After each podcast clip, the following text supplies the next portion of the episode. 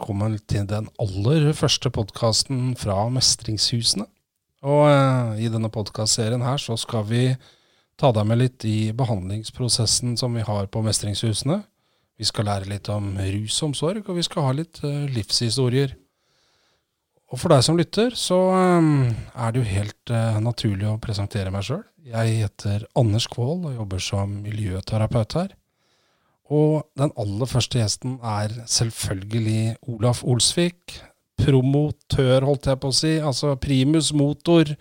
Mannen bak Mestringshusene. Og um, Olaf, hjertelig velkommen Takk. til ditt eget studio. Fantastisk. Det her, er, eh, det her håper jeg virkelig blir så bra som vi tror. Ja, det Det tror vi helt sikkert. Vi skal jo prøve å gi folk et, um, et innblikk og litt kunnskap om Mestringshusene.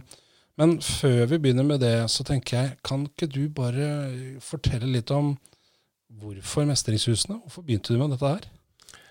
Det er jo helt tilbake til eh, 2001-2002, hvor jeg handla i behandling sjøl etter mange års misbruk. Og kom på et, eh, kom på et sted, da, et rusbehandlingssted i Vestfold, Alfa i Vestfold, eh, hvor jeg fikk den hjelpa jeg skulle ha, og var helt motløs når jeg kom, og så ingen løsning på noen ting. Men, uh, men, men den metoden da, uh, som vi har utvikla det etter, den er, det er den som har hjulpet meg. Og så tenkte jeg at jeg hadde noen ideer rundt hvordan en rusbehandlingssted eller et, et, hva skal jeg si, et rehabiliteringssted skal være også. Eh, Og de ideene har jeg tatt med meg, og de ser ut til å virke veldig bra. Hva slags metode er det du har valgt for Mestringshusene? Eh, I bånn så er det jo en tolvtrinn, eh, men det er jo mye, mye modifisering i, i en tolvtrinnsbehandling, hvor det er tatt inn flere elementer, og vi bruker tverrfaglighet, hvor vi både har folk med egen erfaring, og de fleste som har egen erfaring og er utdanna rusterapeuter, har jo vært i behandling i, i Mestringshusene sjøl, og vi har psykologer og psykologspesialister og leger. Og vi jobber mot et felles mål da, og tverrfaglighet. Eh, og jeg har jo hatt det sånn i mitt liv at eh, jeg har ikke likt autoriteter noe særlig. Altså det har vært i, eh, I rusbehandlingsomsorgen og psykiatrien så er det mange autoriteter. Det er mange som, som vet alt. Og det har jeg tenkt at sånn skal ikke vi fremstå. Vi skal fremstå som en, en gjeng da, med, med tverrfaglighet som har et felles mål, og det er å hjelpe folk til å få et, eh, et godt liv, og at eh, det på en måte blir en god atmosfære i behandlinga. og eh, Det er ingen som utpeker seg som sjefer, og det er ingen som, som bestemmer aleine, men vi er en, en felles gjeng. da. Og det smitter over på pasientene. og Det, det er jo det som, er, som jeg har tro på. Eh, Det begynte jo med, et, eh, med privat praksis på, på Vegårshei, altså dvs. Si et privat behandlingssted. Eh, Hva er forskjellen på det private og der du er i dag nå?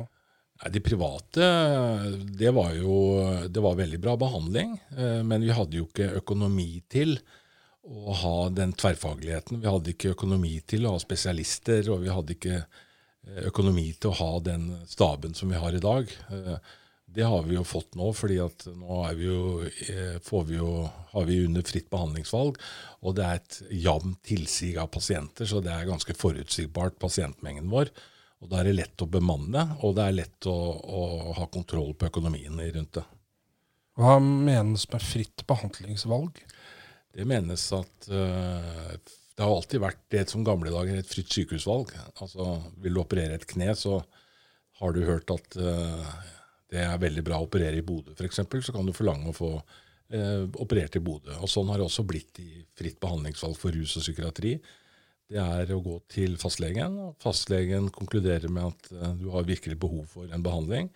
Og han videresender det til en, en lokal DPS, da, eller en vurderingsenhet, som det heter. Og så har du da et ønske om å eventuelt komme til Mestringshusene eller et annet sted som har samme ordningen. Så vurderer da eh, DPS-en eller vurderingsenheten det, og, og sender en henvisning til oss, da. Som vi da, våre folk, vurderer om dette stedet er det riktige for deg. For det, sånn var det ikke når det var uh, privat. Nei, da var det jo på en måte ringte jo folk, og så hadde vi et kort intervju på telefonen, og så var det jo betaler betale sjøl. Så det er et annet system.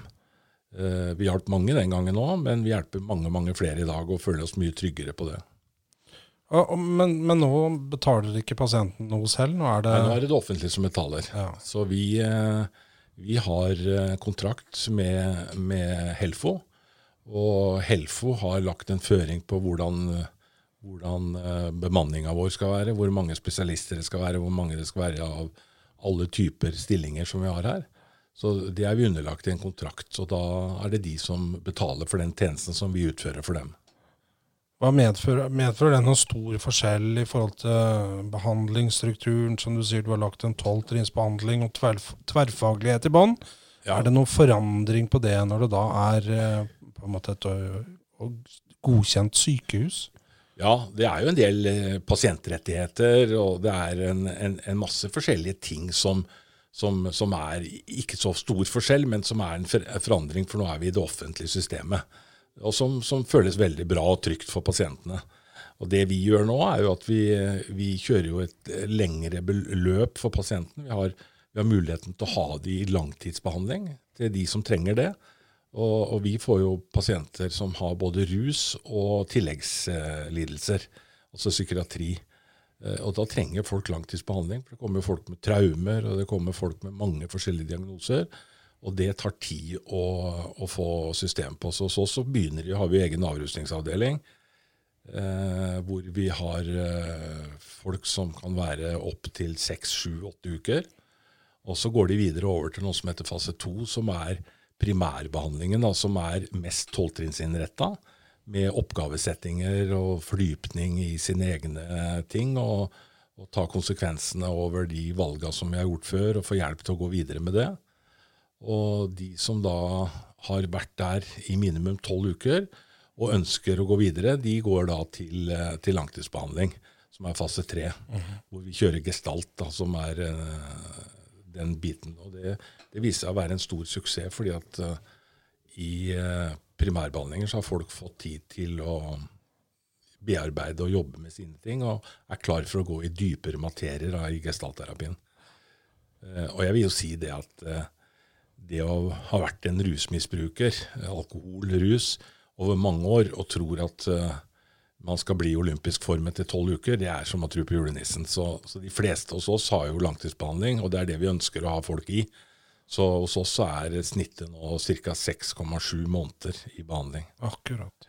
Så langtidsbehandling det er da all behandling som strekker seg utover de tolv ukene? det da? Ja, det er uh, utover tre måneder så kaller vi det langtidsbehandling hos oss. Men er det sånn, da tenker jeg at de fleste lurer på når er du frisk? Når er du på mange måter blir da friskmeldt og får beskjed om at eh, nå er behandlingen over? Ja, det er, eh, det er jo sånn at når du kommer i langtidsbehandlingen, da, så skal du jo begynne å ta eh, Vi begynner jo også med det på, på de tolv ukene du er her. Det er jo å ta fatt på økonomien. Mange har rota til økonomien sin. Mange har kriminalitet som ikke er uoppgjort. Uh, mange vet ikke hva de skal leve av, det er trygdeordninger som har gått ut osv. Og, så videre, og så er det noen som er langtidssykmeldt på jobb eller har et ønske å komme tilbake til jobb. Så vi lar en del ting i det praktiske begynne å skje når du er i langtidsbehandling. Ta møte med arbeidsgiver, ta møte med, med der du skal bo, og få orden på uh, inntektssida og få orden på utgiftssiden, sånn at alle får sona ferdig eller dommene klarer å få orden på de tingene der. Det er da det fungerer. liksom. Det er da vi vet at når folk føler seg trygge og har hatt permisjoner og kjenner det at nå er det greit, så gjelder det å klippe av snora før man blir for lenge på institusjon. Ja, For det kan også skje? Ja, det er trygt. Det er trygt der. Mat og varm seng og alle de tinga der. Ja. Eh, så det er viktig at eh, vi ser når pasienten Nå er det nok. Nå er det å stå på egne bein. Og da, så da handler ikke det som du sier, det handler ikke bare om, eh, om det å, å, å, komme seg til avrusning og være i primærbehandlingen de tolv ukene, men da begynner man også du, øh, å legge vekt på at du skal på mange måter begynne med helt blanke ark. Er det noe av tankegangen, eller? Ja, det som jeg kaller for det gjelder å ha matpakka klar når du reiser herfra. Altså du skal vite hva inntekten din er, hva skal du leve av. Er det er det trygdeordninger? Er det arbeidsgiverinntekt? Hva, hva er det for noe? Det, Du skal vite hva du har i gjeld, og du skal vite hva du skal betale for. Og du skal vite alt det rundt deg, at du er ferdig med Nav og du er ferdig med offentlige instanser, at alt det er satt i gang. Sånn at når du kommer ut, så kan du begynne å jobbe og ta vare på deg sjøl og fungere i samfunnet som en uh, samfunnsnyttig borger. Ja, For det er det som er, det, er målet? Det er målet. Um, og da vil si, Kan du da f.eks. være her i to år, eller er det Det er jo ingen som har vært det ennå. Vi har ikke hatt oppe i to år ennå, så er, folk har blitt utskrevet underveis. Men, men det, i prinsippet så kan du det. Men ja. jeg, tenker at, jeg tenker at når det begynner å nærme seg rundt et år, så, så begynner mange å, å Da begynner det å bli Ja, da begynner man å bli veldig stuerein, da. Eller stue, hva heter det? Stu, stu, stuevarm. Stuevarm, ja. ja. Og det, er, det, kan være farlig, det også. Men samtidig så er det mange som trenger lang trygghet. da. Trenger trygghet over lang tid på ett sted før de kan stå på egne bein ute. Så jeg, det har jeg ikke noe svar på. Det er, det er, psykologer og, og psykiatere og hele det apparatet der sammen med terapeutene som, som, ser at nå er vedkommende klar. Hvis du skal tegne et, et bilde av, av, hva slags um, type pasienter som, eh, som, du føler at mestringshusene er på en måte best rusta til? Ja, det er så forskjellig. Eh, Eller litt mer sånn hva slags pasienter, type pasienter er det her nå? Det som er her nå, er jo at eh, det er Snittalderen er vel rundt 30, noen og 30 år. Og det er folk som har Mange har prøvd på forskjellige steder. Noen er første gangen i behandling. Og de fleste har dobbeltdiagnoser. Så jeg tenker at eh, det som viser seg, da, at med en rusmisbruker som vi ser bort på parken, og tenker 'uff a meg, stakkars mann, hva er det for en fyr', eller 'hva er det for ei jente'? Det er jo sånn at eh, de, en rusavhengig er til forveksling lik folk. Sånn at når vi begynner å få av de symptomet, det med rusen, og får folk edru, og folk begynner å tenke, så dukker det opp masse juveler rundt oss, og masse gode mennesker som har masse gode egenskaper. Så jeg vil si det sånn at de som er på mestringshusene i behandling, de er til forveksling lik folk. Altså de er som deg og meg mm. i behandling. Det er ehm, Jeg vil også kanskje tenke på hvor eh, hvor mye trekker du inn? Trekker man inn på en måte nær familie og slekt og arbeidsgivere inn under behandling? Hvordan foregår egentlig det? Familien er jo kjempeviktig, hvis vi skal ta det først, da, så er det jo sånn at uh, alle som er i behandling hos oss, uh, må ha en familieuke. Det vil si at de inviterer de nærmeste familien, kanskje mor, far, kone, ekt, kone barn, ektefelle og alt det der, der, inn til å være på mestringshusen en uke. Og, og, da kommer de på søndag, og så er de her helt til fredag. Og de er ikke her for pasientens skyld, men de er her for sin egen skyld.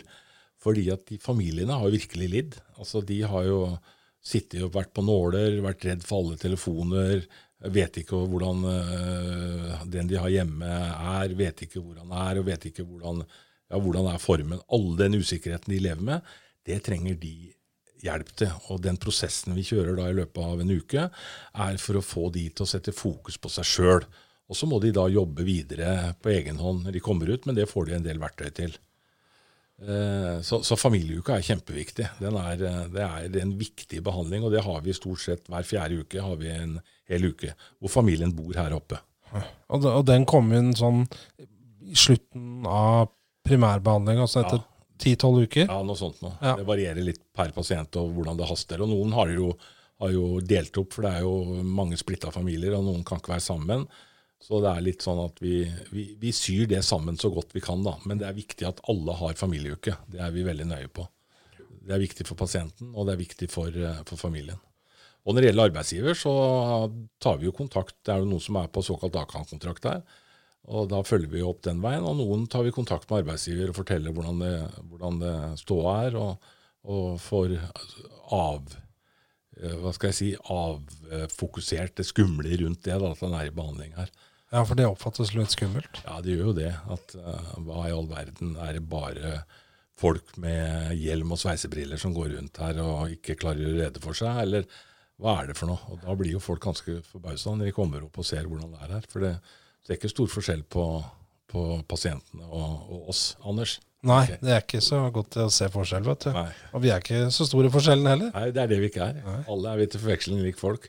Det er bra. Um, så tenker jeg også på um, uh, hvor mange pasienter er som er der oppe. Hvor mange er som jobber på Mestringshusene? Det, jo, det høres ut som det er, skjer en god del i løpet av et år? Ja da, vi er, uh, vi er godkjent for 30 pasienter. Og vi har ca. 37 årsverk, pluss en del deltidsstillinger i tillegg. Så det er en stor stab, og det består av uh, alt fra kjøkken, kjøkkenpersonell, rengjøring, vaktmester og rusterapeuter, miljøterapeuter, psykologer, psykologspesialister, psykiater, lege. Så vi har hele apparatet her. Men uh, jeg tenker på, det må jo, Åssen har du satt sammen gjengen? For det er jo du som på mange måter har, har regissert uh, hele Mestringshusen her, Olaf. Og det veldig til, hvordan, hvordan, tenkte du da når du på en måte, når du da skal begynne med, med en Helfo godkjenning, som du sier? Dvs. Si at staten skal betale denne gangen her. så Hvordan begynner man å jobbe da, egentlig? Nei, da må du jo jeg, jeg, må jo tenke, fordi at det jeg vet da, som er viktig for at vi skal lykkes med rusbehandling, eh, ruspsykiatribehandling, det er å ha de riktige folka. Du kan ikke ha folk som bare vil ha en jobb. Du må ha folk som brenner for det. Det er viktig med brukermedvirkning, og det er viktig å ha folk som har eh, egen erfaring, og det er viktig å ha folk som har spesialiseringa og den tverrfagligheten som vi snakka om tidligere. Og så er det er uh, personligheten til folk også. At eh, de kan samarbeide over linjene, om du er lege, eller om du er miljøarbeider eller vaktmester. For alt dette her med sånn uoverstemmelser og folk, personalgruppa er sure på hverandre, og det er alltid noen konger på haugen, og alt det skal vi ikke ha, fordi det merker pasientene. Da blir de utrygt i pasientgruppa, og, og, og, da klarer ikke vi å nå fram med det vi skal. Så, så vi jobber mye med den sektoren der, med å ha en, en funksjonell eh, personalgruppe. Da, og er, da er det mye personlige eh, egenskaper som, som, betyr noe. Men eh, både sånn André, som, som, jobber med å ta ut personell, og, og jeg og alle vi har god erfaring da, med å, å, kjenne det på kroppen, hva som er riktig og galt. Mm. Så det fungerer, og det merker de som skal søke jobb her. at, at dette her er jo mer enn en jobb, så hvis jeg skal bare ha jobben og bli ferdig med det, så er kanskje ikke det her det riktige stedet. Nei. Du mener at man må ha det i, boende i seg, det å kunne brenne for på en måte saken og hjelpe mennesker? Ja, jeg tror det. For vi strekker jo så veldig langt. Altså, vi, vi hjelper jo over det som uh, som kontrakten sier. altså Vi bidrar med mange forskjellige ting. Vi, vi bidrar jo med å kanskje rydde en leilighet for en pasient som er her og skal flytte, og, og hjelper å flytte. og Vi gjør en del ting da, som vi som har egen erfaring, har kjent på kroppen er viktig. Og, og Derfor så håper jeg og tror at det er derfor vi er annerledes her på Mestringshusene. Så strekker oss litt lengre? Litt lengre. Ja, jeg liker å høre det. Hvis man sitter der hjemme og enten er pårørende eller selv sliter med, med rusproblematikk, da tenkte jeg at vi avslutningsvis at du kunne forklare litt hvordan man nå da går fram for å få eh, hjelp, Olaf. Hva gjør man da? Nei, Det du kan gjøre, det er jo å gå inn på mestringshusene.no på hjemmesida vår. Eller ringe 3501 9500 og snakke med Elisabeth eller noen andre og fortelle hva problemet er, og så få en, eh, få en uh, instruksjon derfra. Eller så gå inn på Helse-Norges sider og se på behandlingsstedet. Og først og fremst kontakte fastlegen. Begynn med fastlegen når du setter i gang den prosessen, og forteller hvilket problem du har. Og, og fastlegen videresender, som vi snakka om tidligere, til, til DPS-en og så videre til vurderingsenheten når vi får, en, vi får en henvisning. Det er der det begynner. Men vil de ha noen opplysninger og snakke med mennesker, så ring 3501 9500. Der er det alltid noen som kan hjelpe med, med råd. Med råd og hjelp. For det er nå engang sånn at uh, rusavhengighet er en sykdom som uh, man kan og får behandling for hvis man ønsker det, på lik linje med et uh, vondt kne eller en brukket ankel. Er det ikke sånn? Helt riktig. Og jeg har i hvert fall tenkt sånn at når jeg klarte å bli rusfri, som jeg har vært snart i 18 år nå, så med den metoden som, som vi, vi, jobber etter, så, og har gitt så gode resultater for meg, så er det i hvert fall håp for alle de andre. For jeg var et håpløst tilfelle når jeg kom inn. Tusen takk, eh, Olaf Olsvik, mannen bak Mestringshusene. Videre i denne podkastserien så skal vi bli enda bedre kjent med behandlingsopplegget, så det er bare å klikke seg fram til neste episode. Der kommer vi til å gå enda dypere inn i de, noen av de tinga som eh, jeg og Olaf snakka litt om nå. Takk for at du lytta på, og ta godt vare på deg sjøl. Ha det godt.